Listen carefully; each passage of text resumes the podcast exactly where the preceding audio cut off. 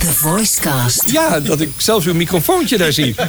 The Voicecast met Albert-Jan Sluis. Welkom, dit is de Voicecast 20. En uh, na de nieuwe talenten uit de vorige aflevering... vandaag weer iemand met een enorme staat van dienst. Iemand die echt al jarenlang op heel hoog niveau dit werk doet. Uh, iemand waar we denk ik ook allemaal heel veel van uh, kunnen leren. Het is Bob van der Houven. The Voicecast. Voiceover en stemacteur Albert-Jan Sluis... spreekt met collega's uit het vak. Deze keer... Bob van der Houven. Ik ben uh, in uh, Almere Hout, thuis in de studio bij uh, Bob van der Houven. Waarom is niet Hoeven eigenlijk? Dat zou je eigenlijk denken, hè? Bob van der Hoeven. Ja, OU denk je gauw. Ja. Oe, dus heel veel mensen zeggen ook van der Hoeven als ze het niet weten. Maar ja, het, het is volgens mij zelfs oorspronkelijk een Franse naam de la Ouve, maar dat is uh, gegermaniseerd, zoals ze dat noemen. Dus een N achtergeplakt. En toen zijn ze Houven gaan zeggen. Ja. En dat zeggen we nog steeds. Ja, nou ja, het is een mooie naam. Uh, Bob, waar ken ik jouw stem van? Maar mensen kennen mijn stem uh, heel vaak mijn gewone spreekstem, zoals die nu klinkt, van tv-documentaires. Ik heb er erg veel gedaan. Voor schooltelevisie, heel veel series. vroeger veel natuurseries gedaan. allemaal van die David Attenborough-programma's. Uh, historische series heb ik er diverse van gedaan. Veel over de Tweede Wereldoorlog. Die zijn ook op DVD uitgebracht. En uh, ja, het langst van alles loopt de serie Railway. In Railway reizen we vandaag naar de Zwitserse wintersportplaats Davos. Waar je in de omliggende bergen heerlijk kunt skiën, snowboarden of wandelen. Die doe ik al 23 jaar. Het programma loopt 24 jaar. Uh, want het eerste seizoen is door een collega van mij gedaan. Uh, maar om wat voor reden dan ook uh, hebben ze daarna mij gevraagd. En ik doe het nog steeds. Ja, bijzonder eigenlijk ja. dat iets zo lang loopt. Want ik vraag me dan wel af, is Railway voor jou een vloek of een zegen?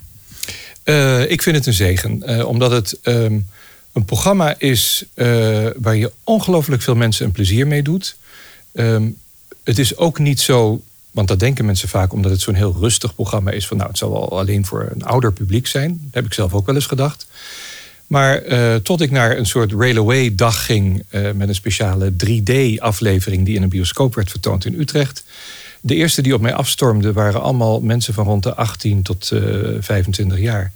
Die gigantisch fan van het programma waren. Ik zie het ook aan vriendschapsverzoeken van jonge mensen. Oh, het perfecte chill-programma. Uh, we hebben ook heel veel jonge fans. Ja. En vaak kijken kinderen mee met hun ouders en gaan het ook waarderen. Of het zijn mensen die helemaal gek zijn van treinen. Um, die, die kunnen daar natuurlijk bepaalde dingen uithalen. Maar het is ook vooral, denk ik, voor een groot publiek een toeristisch programma. Met leuke reisbestemmingen ja. en prachtige vergezichten. Ja, ik kijk er zelf ook graag naar. En dat is voor mij ook, want ik ben geen treinengek.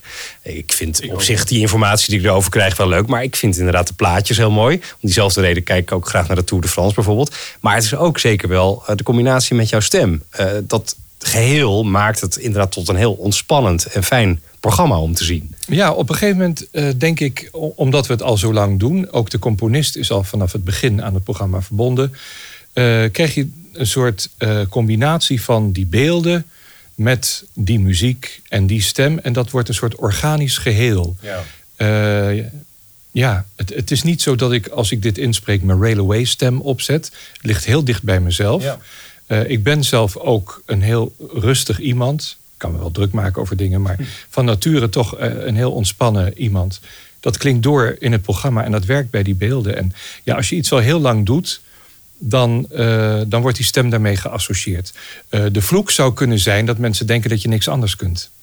Ehm, maar dan wijs ik ze altijd op een aantal andere dingen die ik heb gedaan, die volkomen contrair zijn met Railway. Uh, en geef maar een voorbeeld, de stem van Dr. Dovenschmiertz in Phineas en Ferb. Nu zul je zien dat ik in één flits een volledige duivenbrein onder controle zal hebben. Uh, hij werkt beter van een afstand. Wat natuurlijk gewoon een of andere hysterische gek is met een Duits accent. Uh, die regelmatig helemaal uit zijn bol gaat. Ik vind dat zo geweldig om te doen omdat je in de huid kunt kruipen van iemand die inderdaad tegengesteld is aan jouw eigen natuur.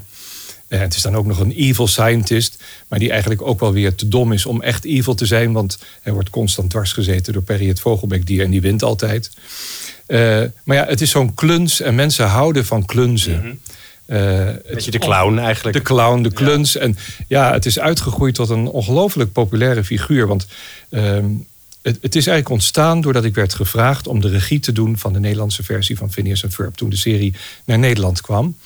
Nou, dat heb ik met beide handen aangepakt, want ik zag meteen dat het een kwaliteitsprogramma was. Ik heb de acteurs ervoor uitgezocht. En toen op een gegeven moment zag ik in een van die eerste afleveringen die professor langskomen met dat Duitse accent. Ik ben zelf in Duitsland geboren. En ik vond het een grappige rol. En ik dacht, oh, dus zo'n bijrol, die, die doe ik er wel bij. Zoals regisseurs wel vaker doen. Maar in de loop van de serie heeft Dovensmeerts een steeds grotere rol toebedeeld gekregen van de makers. Had je ook niet van tevoren kunnen weten. Totaal geen idee van dat het zou ontstaan. En eh, ja, ik heb me wel eens laten vertellen dat die is uitgegroeid tot de populairste figuur uit die serie. Ehm, wat ook heel grappig is en wat ik ook niet zag aankomen. Uh, dezelfde makers hebben inmiddels een andere serie eh, onder handen genomen. Die heet Milo Murphy's Law. Mm is ook een Disney-serie dus. Ehm, en wat doen ze daar nou in? Daar laten ze dus die figuren uit Phineas en Ferb, laten ze daar gastrollen in spelen. Dus hoewel ik al een paar jaar geleden klaar was met de serie inspreken, word ik nu toch weer regelmatig gevraagd om Dovensmits te komen doen in een ander programma. Ja, ja. En gelukkig maar, want het gebeurt natuurlijk ook wel eens. Ik sprak bijvoorbeeld eh, Arnold Gelderman ook eh, voor deze serie een tijdje geleden. Dat op een gegeven moment, als zo'n rol dan na een aantal jaar weer terugkomt, eventueel in een andere serie of in een nieuwe film, eh, dat dan ook gewoon wel eens iemand anders gebeld wordt. Ja, ik vind dat over het algemeen een hele kwalijke zaak. Ik vind de enige goede reden om iemand te vervangen is als die is overleden. Want dan gaat het niet meer lukken. Of dat de stem van die acteur heel erg veranderd is, bijvoorbeeld omdat hij erg oud geworden is. Dat je denkt, nou, ik herken hem bijna niet meer door die leeftijd. Ik weet dat in de Verenigde Staten er stemacteurs zijn die tot in de negentig rollen hebben volgehouden, omdat ze per se dezelfde acteur ervoor willen hebben. En dat vind ik ook heel terecht als die mensen het op kunnen brengen om op die leeftijd dan nog te doen. Graag, want uh, elke stem is uniek. Er is geen stem hetzelfde. Mhm. En natuurlijk heb je goede imitators, maar uh, het is het nooit 100%. Dat bestaat niet. En dan denk ik, uh, ik heb zelf een situatie meegemaakt, uh, wat een goed voorbeeld is van waar men in mijn ogen, eh, en niet alleen in mijn ogen, de plank volledig heeft misgeslagen. Ik heb de serie DuckTales gedaan. Dat was ook mijn allereerste tekenfilmrol. Of eigenlijk waren het er drie. Kwik, Kwek en Kwak. Ik weet niet of dit wel zo'n goed idee is. We moeten het doen. Als dokter van Schnabel echt een geest is, dan moet zijn graf hier zijn. Denk ik. Uh, 100 afleveringen lang. En dat is een hoofdrol geweest naast Oom Dagobert, die gedaan werd door Sacco van der Made. Dat is jarenlang uitgezonden. In die tijd had je natuurlijk nog geen Cartoon Network en al die dingen. Er waren... bij de NCRV, volgens mij. Ja, was bij de NCRV en het was gewoon één aflevering per week. Ja. Dus kinderen hebben daar jarenlang naar gekeken. Vervolgens kwam DuckTales The Movie uit. En toen kreeg ik het bericht dat de hele cast van DuckTales de serie, de movie, mocht doen, behalve ik. En dat was, uh, ik zei, wat is dit nou voor onzin? Ja, ja, nee, die stem lijkt niet genoeg op het origineel. En er werd ook bij gezegd van, het wordt in alle landen eigenlijk door een actrice gedaan, dat moet in Nederland ook. Waarop Arnold Gelderman, die de regisseur was van die serie, zei van, uh, hallo, het zijn drie jongetjes. En wij vinden het juist zo leuk dat we een Nederlandse acteur hebben die die stemmen doet. En niet een actrice. Hij heeft lopen soebatten tot en met uh, faxen heen, faxen terug in die tijd nog. Maar ze bleven bij hun standpunt. Nee, het wijkt te veel af. Nou, het is natuurlijk gewoon kletskoek. Want uh, er is geen rol in DuckTales die sprekend op het origineel lijkt. Of je nou naar Turbo McQuack luistert of naar uh, wie dan ook. Inmiddels is er trouwens een hele nieuwe DuckTales-serie. Dat is ook wel weer heel erg leuk. En dat wordt volledig, is op, volledig opnieuw gecast. Um, in Amerika had men ervoor gekozen om de drie neefjes in de nieuwe DuckTales door drie jonge mannen in te laten spreken. Dat is gewoon een artistieke keuze. En die keuze is in Nederland terecht, vind ik, overgenomen. En wordt nu door drie uh, hele goede Nederlandse stemacteurs van rond de 30 jaar gedaan. En dat werkt ook. Ja. Uh, maar uh, de, de fout die in mijn ogen is gemaakt, is dat ze eerst mij die 100 films hebben laten doen. En dan één bioscoopfilm die daar eigenlijk bij hoort bij die serie, dan ineens één stem gaan vervangen door een ander. Ja. Want het is voor hetzelfde publiek, het publiek dat al gewend is aan al die rollen en al die stemmen. Ja, en ik heb echt gehoord van kinderen die echt teleurgesteld waren. Van, hè, die, die neefjes hebben ineens een heel andere stem. Ja. Dat werd toen inderdaad door een actrice gedaan. Die uh, ja, misschien wat meer op Rusty Taylor leek op het origineel dan ik. Uh, zeer zeker, want ik leek er helemaal niet op. Ik heb er ook nooit op willen lijken. Ik heb gewoon zelf een stem gemaakt. En Arnold, eh, die vond het fantastisch. Die, die, eh, die riep toen die, die, die auditie hoorde... ik hou gelijk op met zoeken, want dit is het. Dit is wat ik wil. Ja. En we hebben met ongelooflijk plezier drie jaar lang samengewerkt. Ik heb heel veel van Arnold geleerd. Want het is natuurlijk toch een van de grootmeesters uit het vak. Ik heb hem ook goed geobserveerd tijdens het regisseren, ook als die anderen regisseerden. Ik heb daar later mijn voordeel mee gedaan toen ik zelf ook bijvoorbeeld kinderen ging regisseren. Eh, zoals hij dat doet, is echt heel knap en de resultaten zijn altijd geweldig. Het verschil alleen met nu is natuurlijk dat er veel minder tijd is om echt met heel veel zorg, behalve bij bioscoopfilms. Er wordt nog steeds alle aandacht aan gegeven. Maar series, ja, het moet sneller en sneller en sneller. En eh, want goedkoper, goedkoper, goedkoper. En dan krijgt het soms niet de aandacht die het verdient, vind ik. Nog heel even over Railway, eh, want we gaan eigenlijk best wel snel er doorheen. Eh, maar de reden dat ik vroeg, vloek of zegen, je zei het al, van nou ja, het is voor mij een zegen. Je zou het als vloek kunnen zien dat mensen misschien denken dat je een soort one-trick pony bent die alleen maar dat ehm, kan. Ik denk dat mensen heus wel weten wat je allemaal kunt, eh, maar dat Railway er ook voor zorgt dat het aan je gaat kleven, zeg maar. En dat eh, misschien soms bij een casting ze denken van, oh ja, maar dat is Bob, eh, die kennen we allemaal van Railway, maar, maar ja, dat geluid willen we nu niet of zoiets.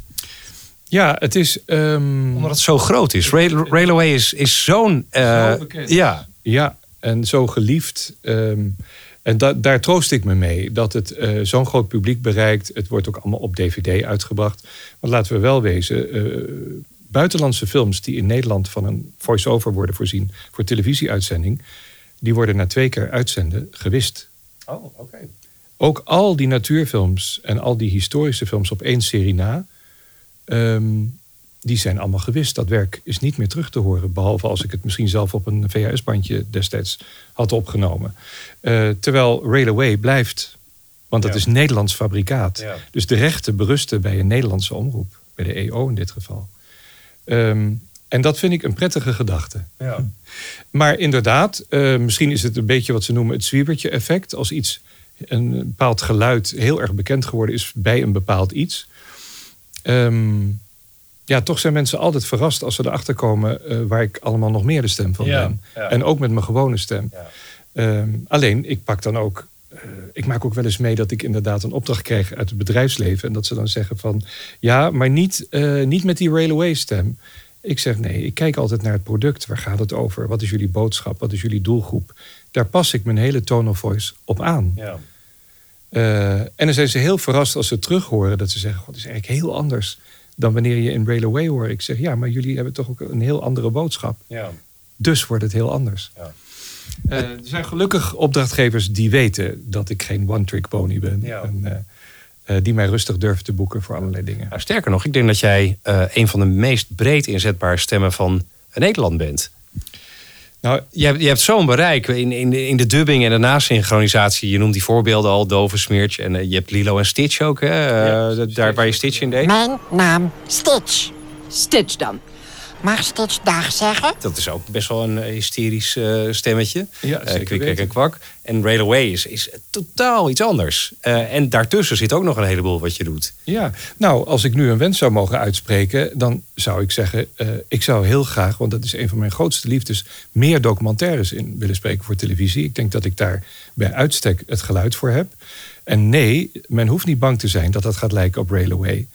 Want als je mij hoort in oorlogsdocumentaires, waar ik er een heleboel van heb gedaan, hoor je echt een andere Bob. Ja. Dan krijg je toch een veel strakkere toon, veel zakelijker.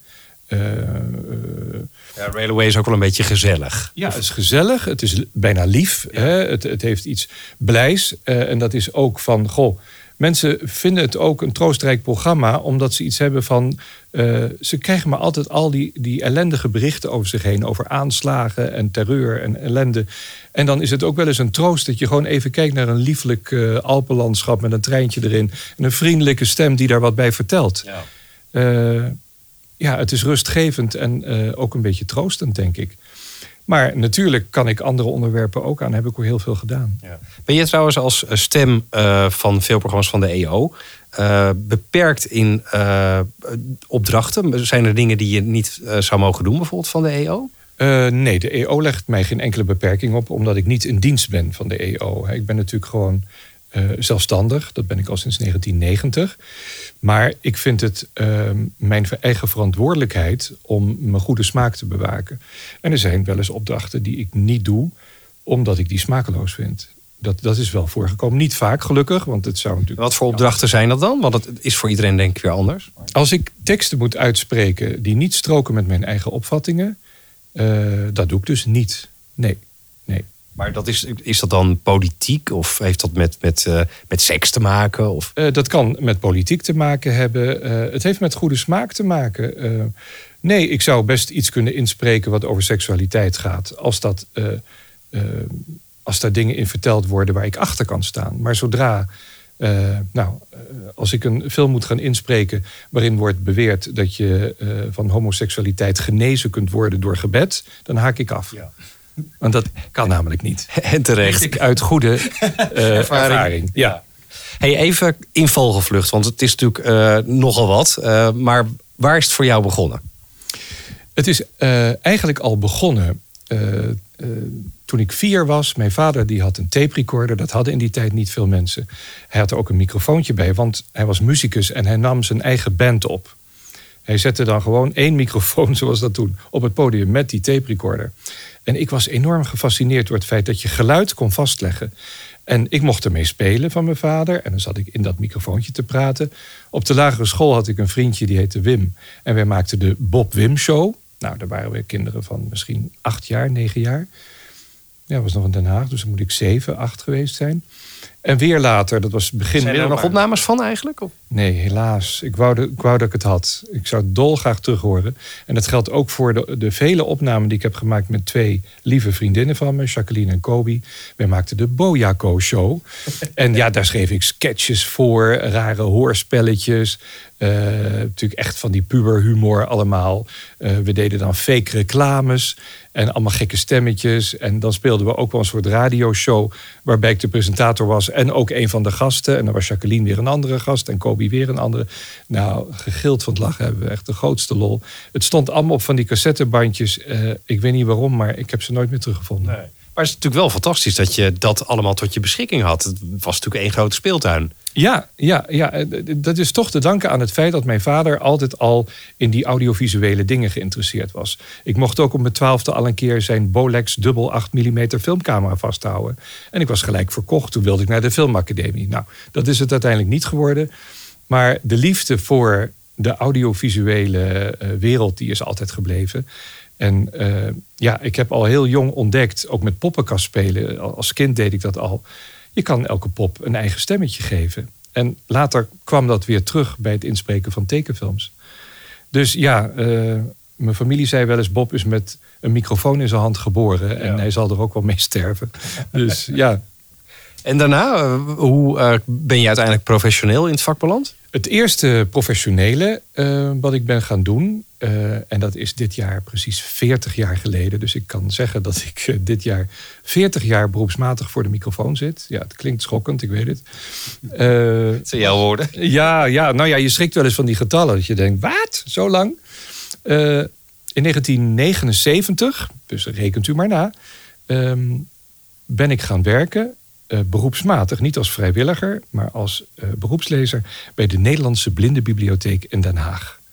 Daar begon ik met 28 uur per week in te spreken. Hè, want ze wilden om de continuïteit te waarborgen een aantal mensen in vaste dienst hebben. En eh, ik geloof dat waren er maar vier of vijf. En daar was ik er één van. Ja, het feit dat ik daar auditie voor heb gedaan en dat ik eh, toen uit iets van 36 mensen gekozen ben, toen viel er al een kwartje van: hé, hey, wacht even. Ik kan iets met die stem, geloof ik. En mensen die, die, ja, die, die waarderen dat blijkbaar of die horen er iets in. En natuurlijk kon ik nog helemaal niks. Maar dankzij het, de vele meters die ik daar heb kunnen maken, want het was elke dag teksten inspreken, 28 uur per week. Na twee jaar heb ik dat teruggebracht tot 20 uur, want ik vond het fysiek te belastend. Nou, dat lijkt me wel. Het is voor je stembanden ook heel Te zwaar. belastend. eh, want ik deed dan twee dagen in de week deed ik acht uur en de andere dagen vier uur. En ik kwam erachter dat ik veel meer genoot van de vier uursdagen dan van de acht uursdagen. Dus na twee jaar zei ik van eh, ik, ik wil het anders. Ik ga vijf ochtenden per week ga ik hier inspreken. En dan wil ik smiddags gewoon iets anders gaan doen, waarbij mijn stem rust krijgt. En ik ben toen, omdat ik Engels heb gestudeerd, ja, wat eh, bijlessen Engels en conversatieclubjes en dat soort dingen gaan doen. Maar dat was het allereerste begin. En ja, daar, daar kon ik dus weer in een studiosituatie. En, want ze deden ook gesproken eh, tijdschriften. En dat deed je dan soms in duo-presentatie. Eh, gewoon knipseltjes uit de krant voorlezen. Maar je kreeg natuurlijk een leestraining als een idioot. Want er was nooit tijd voor voorbereiding. Dus het was gewoon zitten, lezen. Alles a prima vista. Daar word je handig van. En dat kwam mij weer heel erg van pas. Ik leerde toen bij de Blindenbibliotheek een eh, actrice kennen. Een Engelse actrice. Sheila heette ze. En die zei, god Bob, eh, zou jij niet eh, leuk vinden om ook documentaires voor televisie in te spreken? Ik zeg, ja, lijkt me geweldig. Maar ja, ik ken niemand. waar dan en hoe dan? Ze zegt, nou, ik doe dat wel eens in Hilversum. Bij een zender die heet Europa TV. Die had je in de jaren 90, mid jaren 90. Je had in de Emma-straat in eh, Hilversum had je een soort barak staan. Bedoel je niet jaren 80? Nee, 90? eh, sorry, jaren 80. Ja. ik zeg het verkeerd. Mid jaren 80, je hebt gelijk. Eh, had je dat Europa TV, dat zat in een barak in de Emma-straat, schuin tegenover de KRO. En eh, daar hadden ze dan eh, zes cabines naast elkaar. En daar werden docu's werden daar in zes talen tegelijk ingesproken. En dan, daarom heette het ook Europa TV. In, in zes talen over heel Europa uitgezonden. En dan was de werkwijze altijd van, nou, degene die de minste fouten had, die mocht het eerst zijn correcties inspreken en daarna de volgende en de volgende, de volgende. Zo werkten we. En eh, eigenlijk een vrij primitieve setting. Ik herinner me dat eh, Jeroen Pauw dat werk toen ook deed. Is ook een van de andere sprekers. Eh, en ja, nog andere mensen die ook bij de radio eh, al werkten in die tijd. En omdat dit lukte, ik, ik deed een, eh, een proefopname. Fred Emmer die ging toen over de stemmen, die ook nieuwslezer was. En ik was natuurlijk door die blindenbibliotheek door en door getraind. Dus ik kreeg die tekst en hij deed heel gewichtig van... ja, het is een film van drie kwartier en dat is wel erg veel tekst. Maar ja, je moet maar zien hoe ver je komt. En ik kijk dus naar dat script en ik denk, is dat alles? Ja, peanuts. Peanuts. Dus ik ging zitten en, en ik vertelde niet om op te scheppen... maar gewoon vanuit ja, mijn verhaal van de routine die ik had. Ik heb die hele documentaire zonder één verspreking ingesproken. En dat was blijkbaar iets wat eh, Fred niet vaak meemaakte. Want die, die haalde me uit mijn hok en die zei van... eh, ik ben echt blown away en je krijgt nu een contract van me. Wauw, oh, oh, u, u- u vond het goed? Eh, dat is zacht uitgedrukt. Nou, en toen kreeg ik een papier te zien. Daar stond ook een bedrag op. Ik zeg, oh, eh, is dat per maand? Per maand? dat is per film en je krijgt komende week krijg je er vier van me. Oh, oké.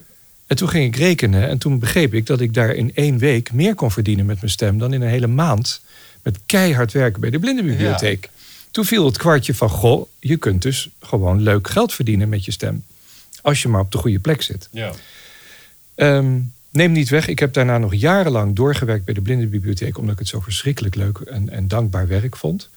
Maar ik ben wel Hilversum gaan ontdekken. En na dat Europa-TV-avontuur ging ik ook maar eens bandjes sturen aan de gevestigde omroepen. In die tijd had je nog geen eh, commerciële omroepen, maar ik ging bandjes sturen aan KRO, NCRV, AVRO. Om te kijken of ze zouden happen.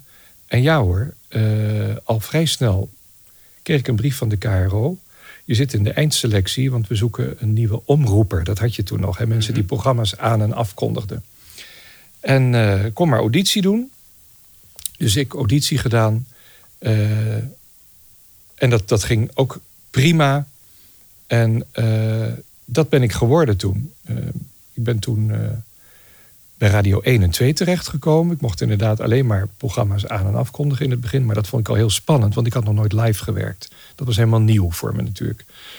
Ehm, ja, en, en dat ging zich uitbreiden. Al heel gauw werd ik gevraagd van... Goh, eh, heb je een beetje verstand van muziek? Ik zeg, nou toevallig wel. Ik heb vijf jaar lang klassiek pianoles gehad... en ik kom uit een muzikantenfamilie.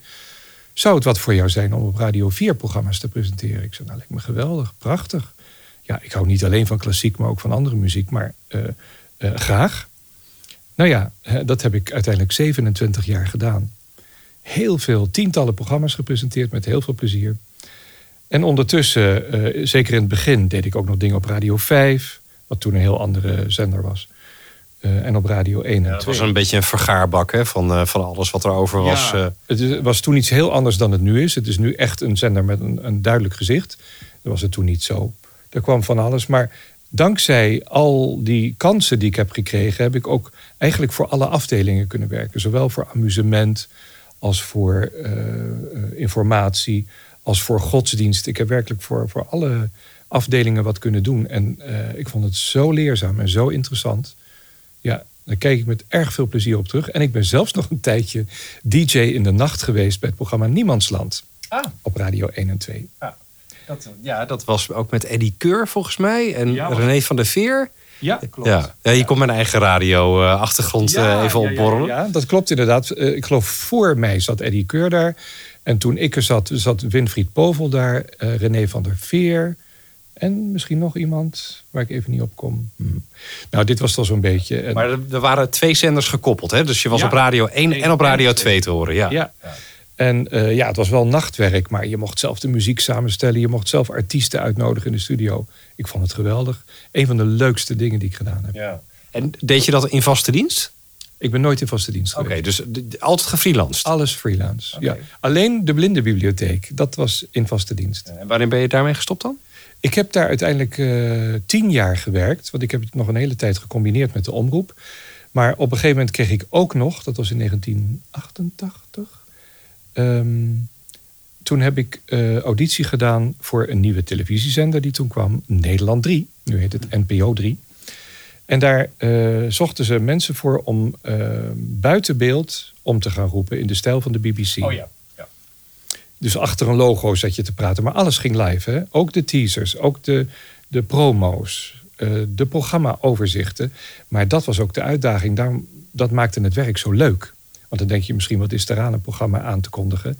Nou, als je weet dat je een voetbalwedstrijd aankondigt... en dat er 6 miljoen mensen zitten te kijken... dan wordt het wel interessant. Plus, ik schreef mijn eigen teksten. Dat deed niet iedereen, maar ik, vond dat, eh, ik stond daarop. Ik zeg wel zo graag... Zelf, behalve als ik lui was, dan deed de regisseur. Dan denk ik, ah, doe jij het maar vanavond. Maar we, we zaten daar met vijf mensen één zender te bemannen. Alles ging live. En eh, ook de beeldovergangen, de geluidsovergangen, alles werd live gedaan. En ja, ik vind dat het toen allemaal wel wat smaakvoller ging dan nu. Want nu eh, wordt alles in de computer hard achter elkaar aan geknald. Maar goed, dat is de nieuwe tijd. En eh, ja, toen ik daar ook voor werd uitgekozen, toen ben ik een rekensom gemaakt. En dacht ik, ja, het wordt onderhand onzin om nog eh, in Den Haag te blijven. Toen ben ik ben het steeds verder gaan afbouwen.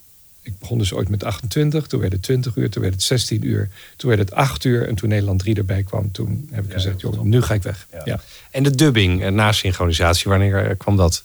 Daar ben ik ook in 1988 mee begonnen. Eh, toen het allereerste was Walt Disney's World on Ice. Dat was eigenlijk een soort openbare auditie.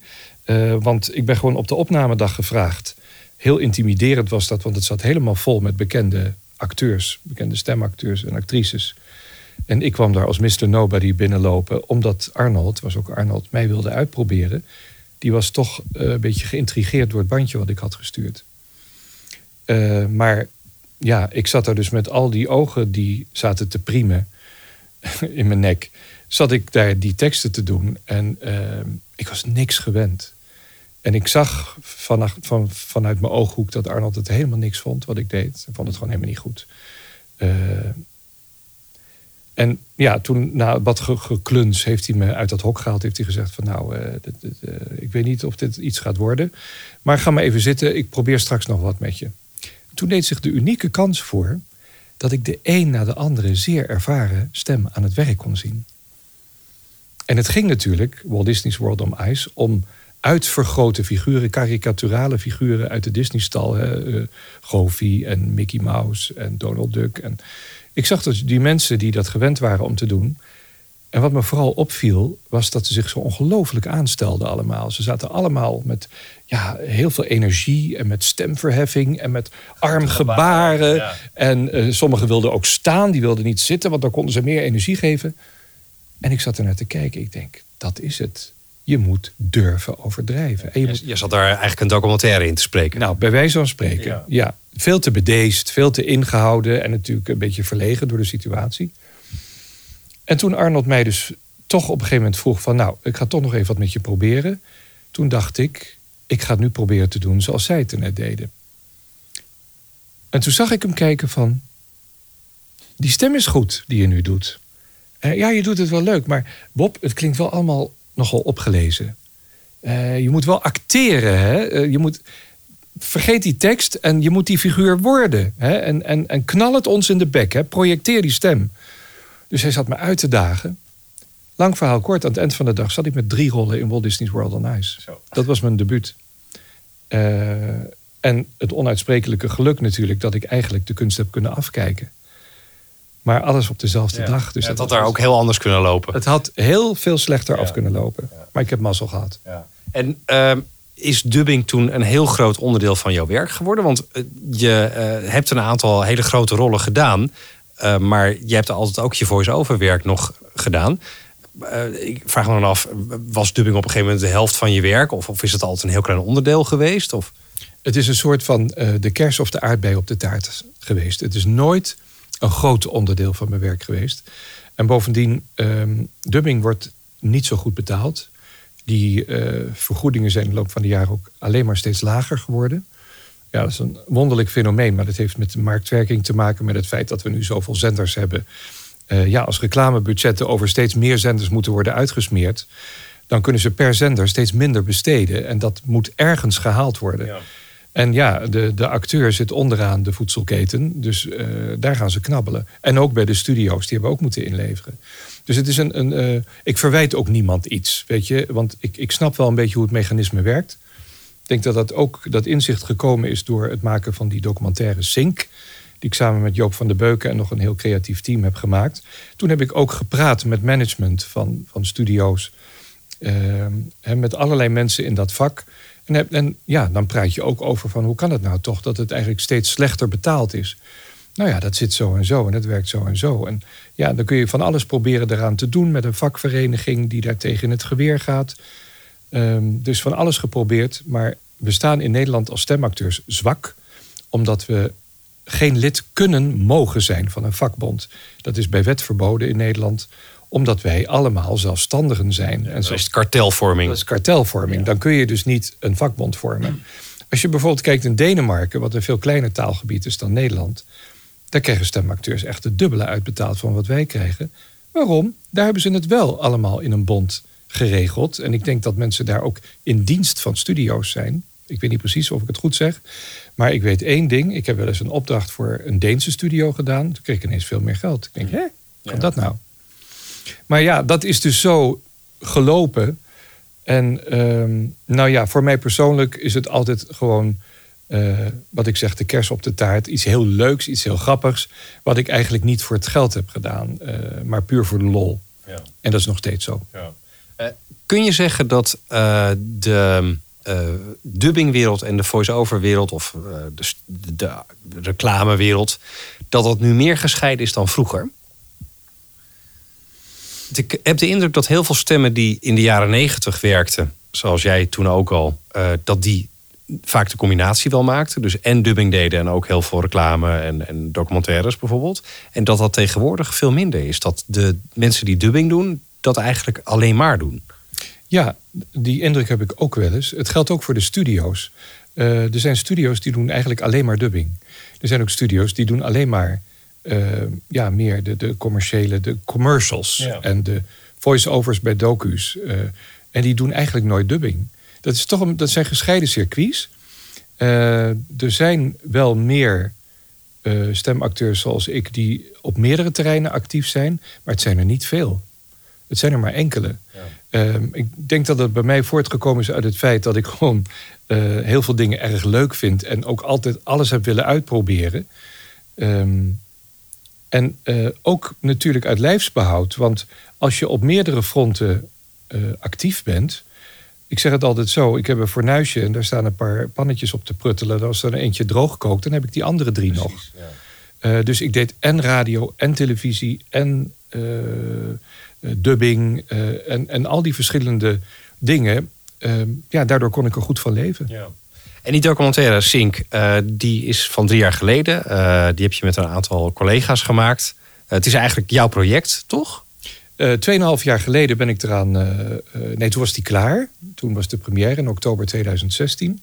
Ehm, ik heb een, een goede vriend die ook in het vak zit. Hij spreekt ook wel in, maar hij doet vooral heel veel vertaalwerk van allerlei series. Hij is de vertaler onder andere van de nieuwe DuckTales. En ehm, Dat is Joop? Joop van der Beuken is dat. En eh, op een dag zei ik tegen Joop van... Joop, ik loop al jaren met het idee om eh, eens een, een goede, degelijke documentaire te maken... over de wereld van de Nederlandse nasynchronisatie. En toen zei Joop, wat grappig, daar loop ik ook al eh, een paar jaar mee in mijn hoofd. We hadden gewoon hetzelfde idee. Eh, ik zeg, en jij hebt zo'n encyclopedische kennis. Joop is echt een wandelende encyclopedie. Die weet eigenlijk veel meer van het vak dan ik, terwijl die eh, veel jonger is. Hij is 30 jaar jonger dan ik. Ehm, ik zeg, nou, als we nou eens jouw kennis gaan combineren met mijn ervaring. en we halen er nog een paar leuke eh, mensen bij. dan kunnen we misschien een mooi, mooi script maken, een mooie film gaan maken. Eh, Joop die kende weer een jongen die was net afgestudeerd. En die weet heel veel van, ehm, ja, hoe noemen ze dat? Scenario schrijven. Van hoe bouw je zo'n film op? Want je kan niet alleen maar een parade van pratende hoofden langs Nee. laten komen. Dan verveel je je dood. Wordt een hele vervelende film.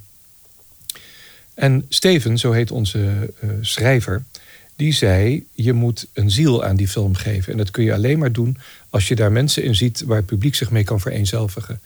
En toen kwam hij met het idee. Hij heeft toen eigenlijk eh, ja, eh, het hele ontwerp gemaakt van de film.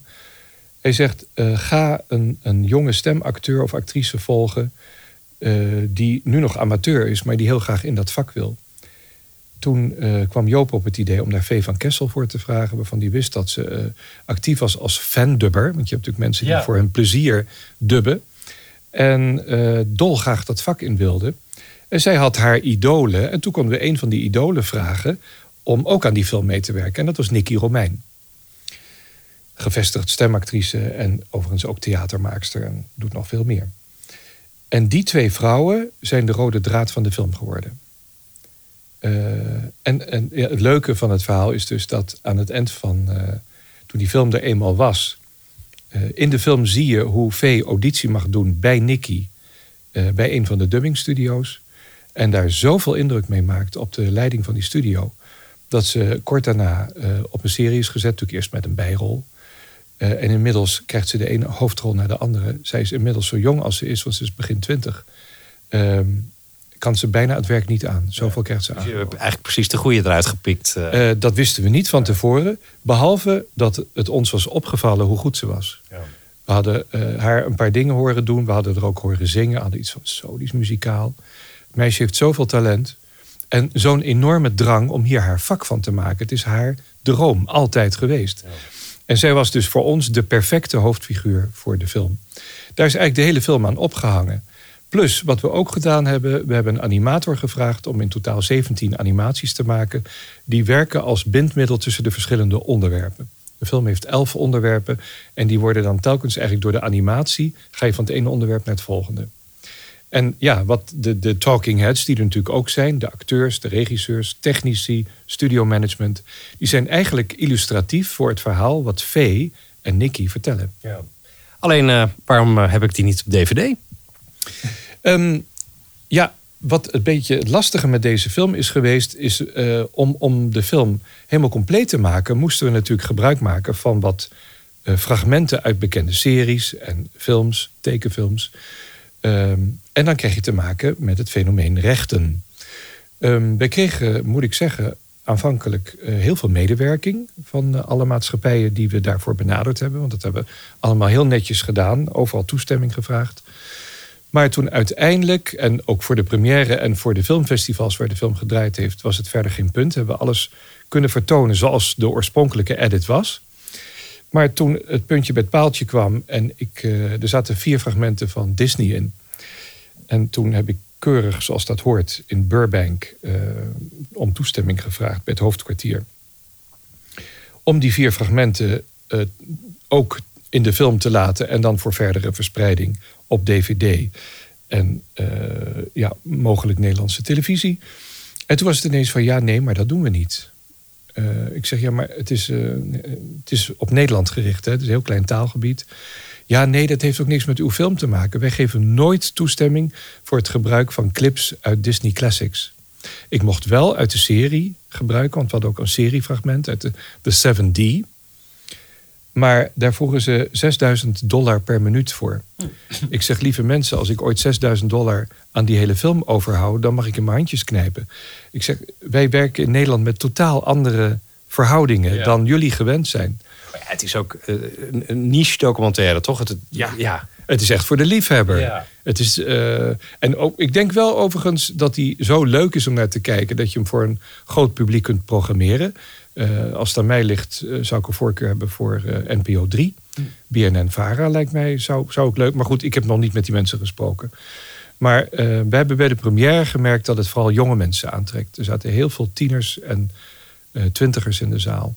Dus wij denken van ja, dan moet je ook de zender kiezen die daarvoor ingericht is. Maar goed, dat is dus nog... eh, eh, Toekomstmuziek. Ja, Ja. er zit wel nog wat in de pijplijn, maar het, het is nog niet helemaal rond. Ja, we zoeken dus eh, vervangende fragmenten van de vier die we moeten vervangen. eh, want ja, dat is dus de keuze die we dan nu maken. We willen niemand schofferen en als Disney nee zegt, dan is het dus nee.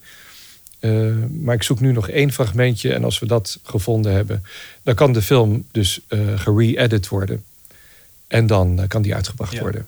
Ja. hey, en eh, jij maakte in de jaren tachtig eigenlijk ook al eh, de Voicecast, maar dan net iets anders. Ik kwam toevallig vorige week ergens op Facebook volgens mij het, eh, oude fragmenten van jou tegen... die jij als podcast ook geplaatst hebt. Van interviews die je in de jaren tachtig voor de Blindenbibliotheek hebt eh, gemaakt. ja, dat klopt helemaal. Ja. Ik kwam een interview met Robert Paul tegen, wat ik heel Ja. leuk vond. Dat heb ik vorige week als podcast. eh, Ik ben dus eigenlijk oud materiaal aan het recyclen, zou Ja. je kunnen zeggen. Ehm, weet je, ik heb eh, bij die blindenbibliotheek deed ik ook naast het voorlezen de redactie van een gesproken tijdschrift. Dat kwam maandelijks uit. En eh, voor dat tijdschrift ben ik ook vaak op pad geweest om interviews op te nemen met allerlei mensen die, ja, eigenlijk mensen die ik zelf leuk vond of interessant vond. En dat waren vaak acteurs, actrices, schrijvers, cabaretiers, zangers, zangeressen. Nou, verzin het maar. Een imitator, een helderziende. De gekste dingen heb ik voor de microfoon gehad. En eh, toen dacht ik, ja, eh, het is natuurlijk allemaal oud materiaal. Het is allemaal eh, tussen de 30 en 40 jaar oud. Maar daar kan best nog wel geschied, ja, historisch eh, kan het een bepaalde waarde vertegenwoordigen voor misschien studenten, mensen die zich in de media verdiepen, eh, of mensen die de muziekgeschiedenis van Nederland, want ik heb ook veel muzikanten, pianisten ook, ik noem maar wat, Louis van Dijk, Laurens van Rooyen, Bert van der Brink. Ik denk, ja, het zou toch zonde zijn als het verloren ging. En ik had op zolder gewoon een enorme berg bandjes. Gelukkig had ik het allemaal goed bijgehouden. En wat ik heb gedaan, ik heb eh, al die interviews gedigitaliseerd. Ik heb ze ook allemaal teruggevonden, gelukkig. En er, er zitten best een paar bijzondere dingen bij. Er zijn natuurlijk ook al veel mensen overleden die daar op te horen zijn. En toen dacht ik, ja, eerst begon ik daar YouTube-filmpjes van te maken. Maar toen ontdekte ik dat ik daar zoveel werk aan had. Want dan wil je ook beeld. Dus dan ga je er ook allemaal foto's bij zoeken. en- Of ander illustratief materiaal. En dan was ik dagen bezig met het monteren van een interview... waar ik destijds misschien maar een halve dag aan besteed had. En toen zei dezelfde Joop waar ik net over had... van ja, maar Bob, het is audio. Dan kan het toch ook audio blijven? Waarom maak je er geen podcasts van? En ja, dit is natuurlijk heel erg om nu hardop te zeggen. Toen was mijn antwoord podcasts. Wie luistert daar nou naar? Wist ik veel van podcasts. Nou ja, het is ook geen miljoenen publiek, moet ik eh, eerlijk bekennen. Nee, het is, het is een klein publiek. Maar ik heb liever een klein publiek wat, ja, wat je daar een plezier mee doet. Ja. En wat daar aandachtig naar luistert. Dan bij wijze van spreken honderdduizend mensen die... eh, ja, ik weet het niet. Het, het eh, grootte van publiek heeft me nooit zo heel erg geboeid. Ik heb bij de blindenbibliotheek vaak genoeg voor één student... hele boeken zitten inspreken... waar ik weken mee bezig was. Ehm, het, het, wat ik belangrijker vind is de gedachte dat het niet verloren gaat. Ja. En ehm, het leuke van een podcast is natuurlijk dat ik die oude gesprekken nu kan omlijsten met herinneringen. Ik kan er iets bij vertellen van ja, toen kwam ik daar binnen en toen zag ik dat en dat. Hé, je kan het dan nu verpakken eh, als herinnering. Ja, want je hebt er een soort introductie eh, bij gemaakt. Ja, ik neem dan nu eh, hier in mijn studio een intro en een outro op. Zo- ik heb ook nog wel eens een enkel dingetje aan toegevoegd. En bij twee interviews tot nu toe heb ik er zelfs een nieuw interview aan toegevoegd.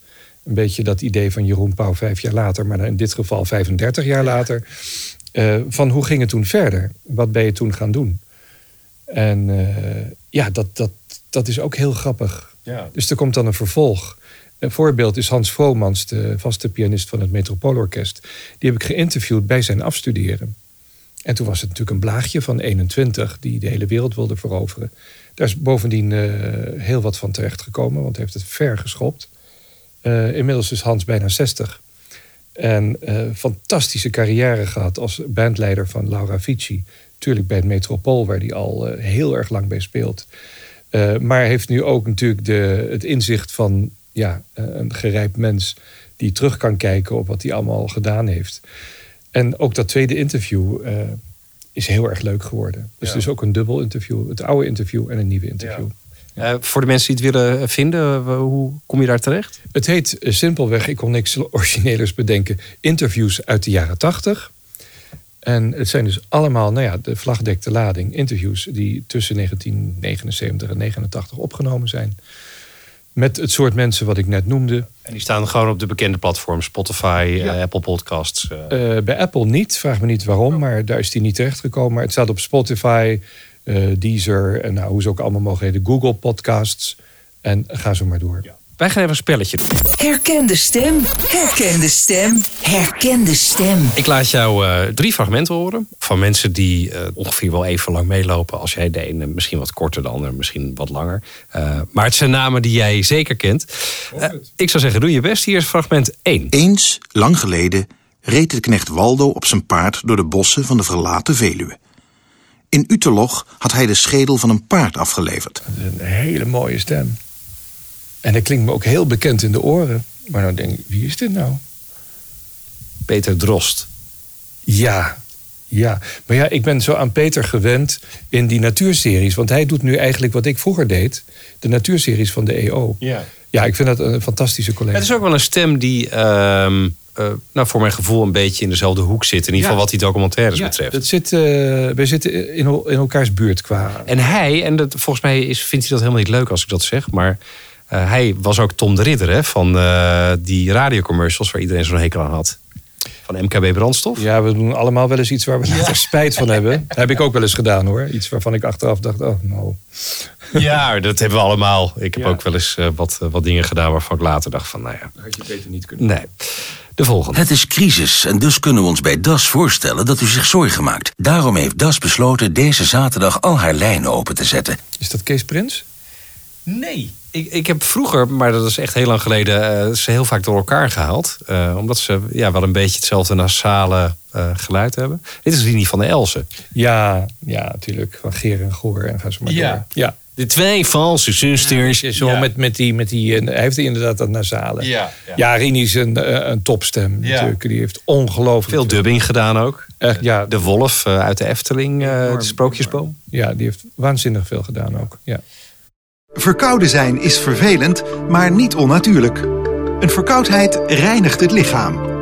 Men kan dit proces ondersteunen door warmte, volwaardige natuurlijke voeding en voldoende rust. Dit ben jij. Nee. nou Bob, je bent hier heel slecht in. er dus heel slecht in. Ja, je hebt nou net stemmen uitgekozen. Eh, wie is dit? Dit is eh, Fred eh, Meijer.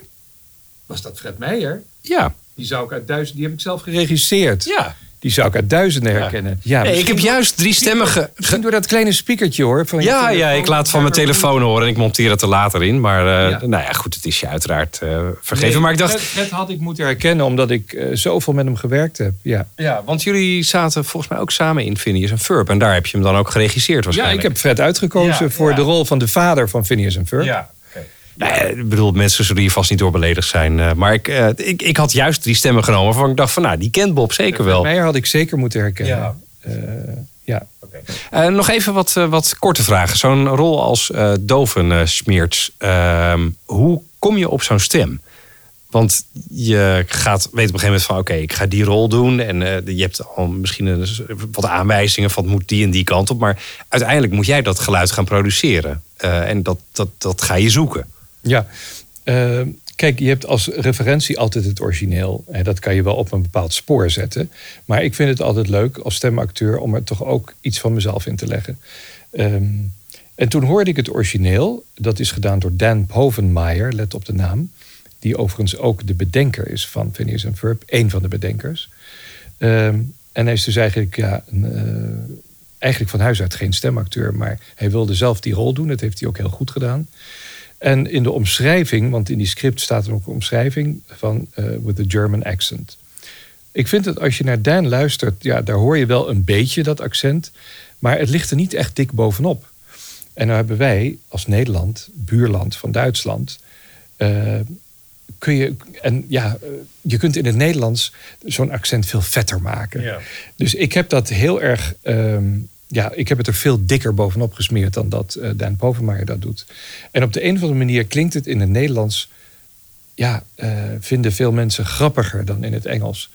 Ehm, en we hebben natuurlijk ook onze geschiedenis hè, met de Tweede Wereldoorlog en een soort haatliefde, iets met, met Duitsers, hè, de moffen enzovoort. Nou, eh, tegenwoordig is dat natuurlijk allemaal heel anders, maar eh, kan hier en daar nog wel een gevoelige plek raken. Eh, en dan natuurlijk eh, het cliché van de evil scientist. Hè, want het zijn natuurlijk heel veel knappe koppen daar in Duitsland. En Werner von Braun was ook een Duitser. Die uiteindelijk de Apollo-vlucht mogelijk heeft gemaakt. Heel, een van de mensen die daaraan gewerkt heeft. Dus eh, het is ook dat beeld van eh, die knappe koppen. maar het zijn dan ook soms een beetje stunteltjes. Nou ja, dit is de evil scientist die de hele wereld wil veroveren. Het drie statengebied. En die dan toch eh, elke keer helemaal de mist ingaat. En eh, ik, ik vond deze rol. eh, ik heb van al mijn rollen genoten. En ze, zijn me allemaal lief. Maar dit was voor mij als stemacteur de grootste uitdaging die ik heb gehad. Eh, het is verreweg de moeilijkste rol die ik heb gedaan. Omdat Dovensmeerts, ja, die heeft lappentekst. Echt hele achtergrondverhalen. Hij praat heel vreemd. eh, hij versnelt, hij vertraagt. Staccato soms. Heel veel aarzelingen, want dan weet hij niet meer wat hij moet zeggen. Ehm, een enorme dynamiek. Dus de stem gaat van heel luid naar soms fluisterzacht. En dan ineens barst hij weer uit in van dat eh, ja, satanisch gelach. Want dan eh, denkt hij, nou ga ik het doen. En heeft hij weer de zoveelste inator. Aanschouw! En dan, wordt, en dan hoor je ook echt zo'n zo'n tune erbij van... En ja, het is zo leuk om te doen. Ik, eh, ik vond het echt geweldig. Is dat niet ook een hele moeilijke rol om te doen? Want als ik, als ik dit zo hoor, eh, gewoonlijk als je in een soort cadans zit en je volgt eh, misschien eh, de, de, de lippen, eh, nou, dan komt het wel goed als je wat ervaring hebt. Maar hier ga je natuurlijk heel snel de mist in, denk ik. Ja, nou ja, ze hebben het tegenwoordig over inzetjes hè, bij het inspreken van eh, films. En ja, eh, alles moet snel, want dan is het goedkoper. Ik haalde bij Stitch drie keer zoveel inzetten per uur als bij Dovensmeerts. Ja. Dovensmeerts is veel moeilijker. Ehm, en, en ja, ik, ik, het was ook zo'n rol die ik echt heel goed wil doen, weet je wel. Ehm, maar ik heb wel eens meegemaakt, door de tijdsdruk... dat ik niet helemaal tevreden was. En dat de regisseur, want ik werd natuurlijk zelf ook geregisseerd... geregisseerd zei van... eh nee hoor, Bob, was goed, we gaan door. De tijd, de tijd. Dat vind ik jammer. Dat kan die regisseur niet helpen, want die wordt zelf ook onder druk gezet van snel, snel, snel. Maar ja, vroeger was een take goed als die goed was Ja. en niet eerder dan dat. Ja, en nu liep je misschien soms studio uit met het gevoel van het was goed, maar het had nog beter gekund. Nou ja, ik geef een voorbeeld. Dan was ik ergens bij een woordje vergeten om het eh, te verduitsen of om het Duits uit te spreken. Terwijl ik dat heel consequent wil doen. Ja. En dan had ik iets van, dan was het wel eh, qua timing goed, maar dan was dat Duitse accent niet helemaal naar mijn zin. En dan zegt zo'n regisseur, nee hoor, het was leuk, het was goed Bob. Ja, vind ik jammer. Ja, ja, dan moet je je misschien soms Maar dat is deze neerleggen. tijd, hè? Dat is deze tijd. Hey, en ik heb eh, voor deze serie eh, bij heel veel eh, acteurs en, en eh voice-overs thuis studio's gezien. En nu moet ik zeggen, die van Willem van der Top was ook wel heel erg mooi. Het is een beetje dezelfde soort situatie als hier. Maar jij hebt eh, het idee van een thuisstudio wel heel erg naar de next level eh, getild. Want dit is gewoon een volwaardige studio waar we nu zitten. Ja, dit is inderdaad een volledig professioneel geoutilleerde studio met een grote opnameruimte. Dat komt ook omdat ik hem heel bewust heb ingericht als muziekstudio. Er staat ook een vleugel. Er is ruimte genoeg voor een bandje om neer te zetten. Of een, een koortje hebben we ook wel gedaan. Eh, dat was wel een jongensdroom van mij om een eigen muziekstudio te hebben. Ik schrijf muziek, ik schrijf liedjes, ik zing. En eh, het leek me zo ideaal om niet meer afhankelijk te zijn van dure studio's die je moet boeken, maar dat je gewoon je eigen plek hebt waar je op een willekeurig moment, als jij je goed voelt, eh, kunt werken aan een stuk muziek. Met een paar leuke muziekvrienden erbij. En die situatie die is er nu. En ja, natuurlijk heb ik in die grote opnameruimte ook een apart hoekje, eh mijn inspreekhoekje, Ja. waar ik dus eigenlijk eh, mijn werk doe. Ja. Ja, het, is, het is echt een hele mooie studio. Eh, en dan als laatste, eh, jij was onlangs te zien in editie NL. Eh, want vorige week was de dag van de stem. En daarom hebben ze jou gebeld en dan komen ze bij jou terecht. En ik zag dat dat filmpje eh, op een gegeven moment meer dan 600.000 views had. En dan vraag ik me af, als jij als stemacteur in zo'n filmpje te zien bent, wat door zoveel mensen gezien wordt, wat levert dat op? Word je dan ineens door heel veel beginnende stemmen gemaild? Of, of krijg je er ook eh, opdrachten door? Of... Ik heb in een paar dagen tijd 35 vriendschapsverzoeken op Oh ja, Facebook gehad. Want het moet wel impact hebben, Eh, zoiets. en ook hele leuke. Nou, ik, om te beginnen wil ik zeggen, ik ben werkelijk overdonderd. Want ik kan ook niet iedereen persoonlijk beantwoorden. Dat waren honderden reacties. Overdonderd door alle blijken van waardering. Dat doet je dan wel eens goed, want eh, dat zul je beamen, eh, Albert-Jan. Je zit eigenlijk altijd alleen in een studio Ja. met een technicus te werken. En je doet reuze je best. Ik bedoel, ik zit 40 jaar in het vak, wat ik al vertelde. Maar wanneer heb je met je publiek te maken? Eigenlijk nooit. Hè? Veel opdrachtgevers die laten al niks horen als je iets hebt doorgestuurd. Nee. Laat staan de doelgroep waar het voor gemaakt Ja. is. En doordat we nu- die social media hebben en dit soort dingen dan gebeuren, krijg je ineens eh, ja, ook mensen die schrijven dan gewoon een reactie onder zo'n eh, filmpje. Van, oh wat leuk. En oh, deze man is mijn hele jeugd. Zulke dingen. En eh, ook iemand die eh, vriendschapverzoek had verstuurd. En vervolgens een filmpje van zichzelf had gemaakt. waarbij hij de stemmen van Kwikwerk en Kwak deed. Ja, zegt hij, hier oefen ik al mijn hele leven op. En hij deed het trouwens hartstikke goed. Dus ik, ik moet hem nog antwoorden, zoals zoveel andere berichten. Maar eh, ja, en eh, zoveel leuke complimenten, zoveel lieve, leuke reacties. Eh, dat, dat is voor mij al goud waard. Als je het zakelijk bekijkt, ik denk niet dat ik daar nou per se meer opdrachten door krijg. Dat geloof ik niet. Vooral niet omdat dit, dit ging gewoon om, om mijn klassiekers, zeg maar. Mijn, mijn grote rollen die ik heb gehad, die veel mensen kennen. Rail Away natuurlijk.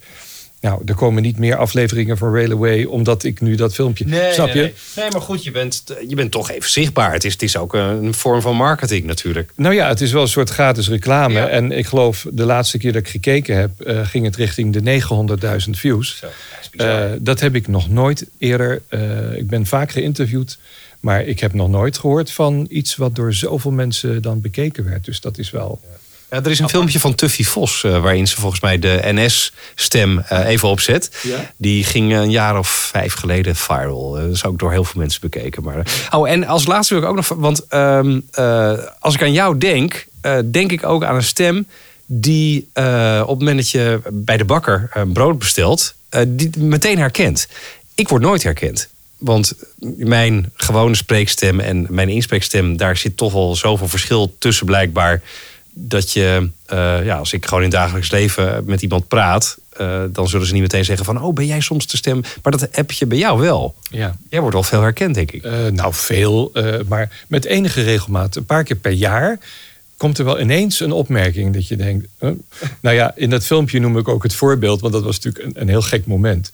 Ik, ik heb een vriendin, dat is trouwens Jacqueline. Eh, van Bojaco, waar ik het er net Ja, over had. ja. Maar misschien knip je dat eruit, weet Nee, ik niet. Eh, en een van de. eh, Ik ga wel eens met haar naar de sauna, want we kunnen lekker bijpraten. En we vergeten dan wel eens in dat hok te gaan zitten, omdat we zoveel bij te kletsen hebben. Maar goed, eh, ik zat met haar in de sauna, in het stoombad. En ik merkte dat er een vrouw was die ontzettend op mij aan het letten was. En op een gegeven moment schuifelt ze naar me toe. Mag ik u wat vragen? U hebt zo'n bekende stem. Eh, werkt u voor de televisie? Het, het treinenprogramma? Ik zeg, ja, dat klopt. En, oh, wat leuk, daar kijken wij altijd naar. Oh, nou, eh, nou nog veel plezier vandaag. Eh, maar dan voel je je wel ineens heel erg naakt Ja, op zo'n moment. ja. Letterlijk. Ja. Ja. Dat is even gek, maar ja, zij was ook hartstikke bloot. Wat, wat leuk dat ik u eindelijk eens in vol ornaat zie. Ja, dat ik zelfs uw microfoontje daar zie. nee, maar ja, ach, dat is ook allemaal heel betrekkelijk natuurlijk. En ja, op, op hele vreemde momenten. Ik ging een keer iemand afhalen eh, van de trein en ik sta gewoon op het perron. En toen twijfelde ik of ik wel op het goede perron stond. En er stond zo'n man met zo'n geel NS-hesje aan. Dus ik vraag aan die man van, goh, eh, is dit het perron waar de trein uit daar en daar vandaan komt? Ja, zegt u, u staat op het goede perron. En u bent de stem van Railway, zegt hij. Ik zeg, dat hoort u in één zin. Hij zegt, ik wel. Want daar heb ik heel veel naar gekeken. Ja, naar dat ja. Ik zeg, ja, maar u bent ook van de NS, hè? Dus de informatie. Nee, zegt hij, ik ben freelancer en ik ben vandaag ingehuurd. Ik werk helemaal niet voor de NS. nou ja, of ik bel naar, naar een restaurant. En ik zeg, eh, ja, goedenavond. Ik zou graag eh, voor morgen een tafeltje voor drie. Eh, Is dat mogelijk? Bent u die stem die altijd op tv over treinen praat? Ja. je hebt van die mensen met een heel scherp gehoor. Ja, ja maar ik, Dus ja, ik kan dat het me bij jou gewoon goed voorstellen. Omdat eh, als ik nu met je praat, dan hoor ik ook wel Railway. Ja. Hey Bob, eh, dankjewel. Ik vond het heel erg leuk. Wederzijds, Albert-Jan. En heel veel succes met je podcastserie. The Voicecast met Albert-Jan Sluis. Bob, dankjewel voor dit eh, leuke en eh, leerzame gesprek. Eh, tot zover deze aflevering van de Voicecast. Graag tot de volgende keer.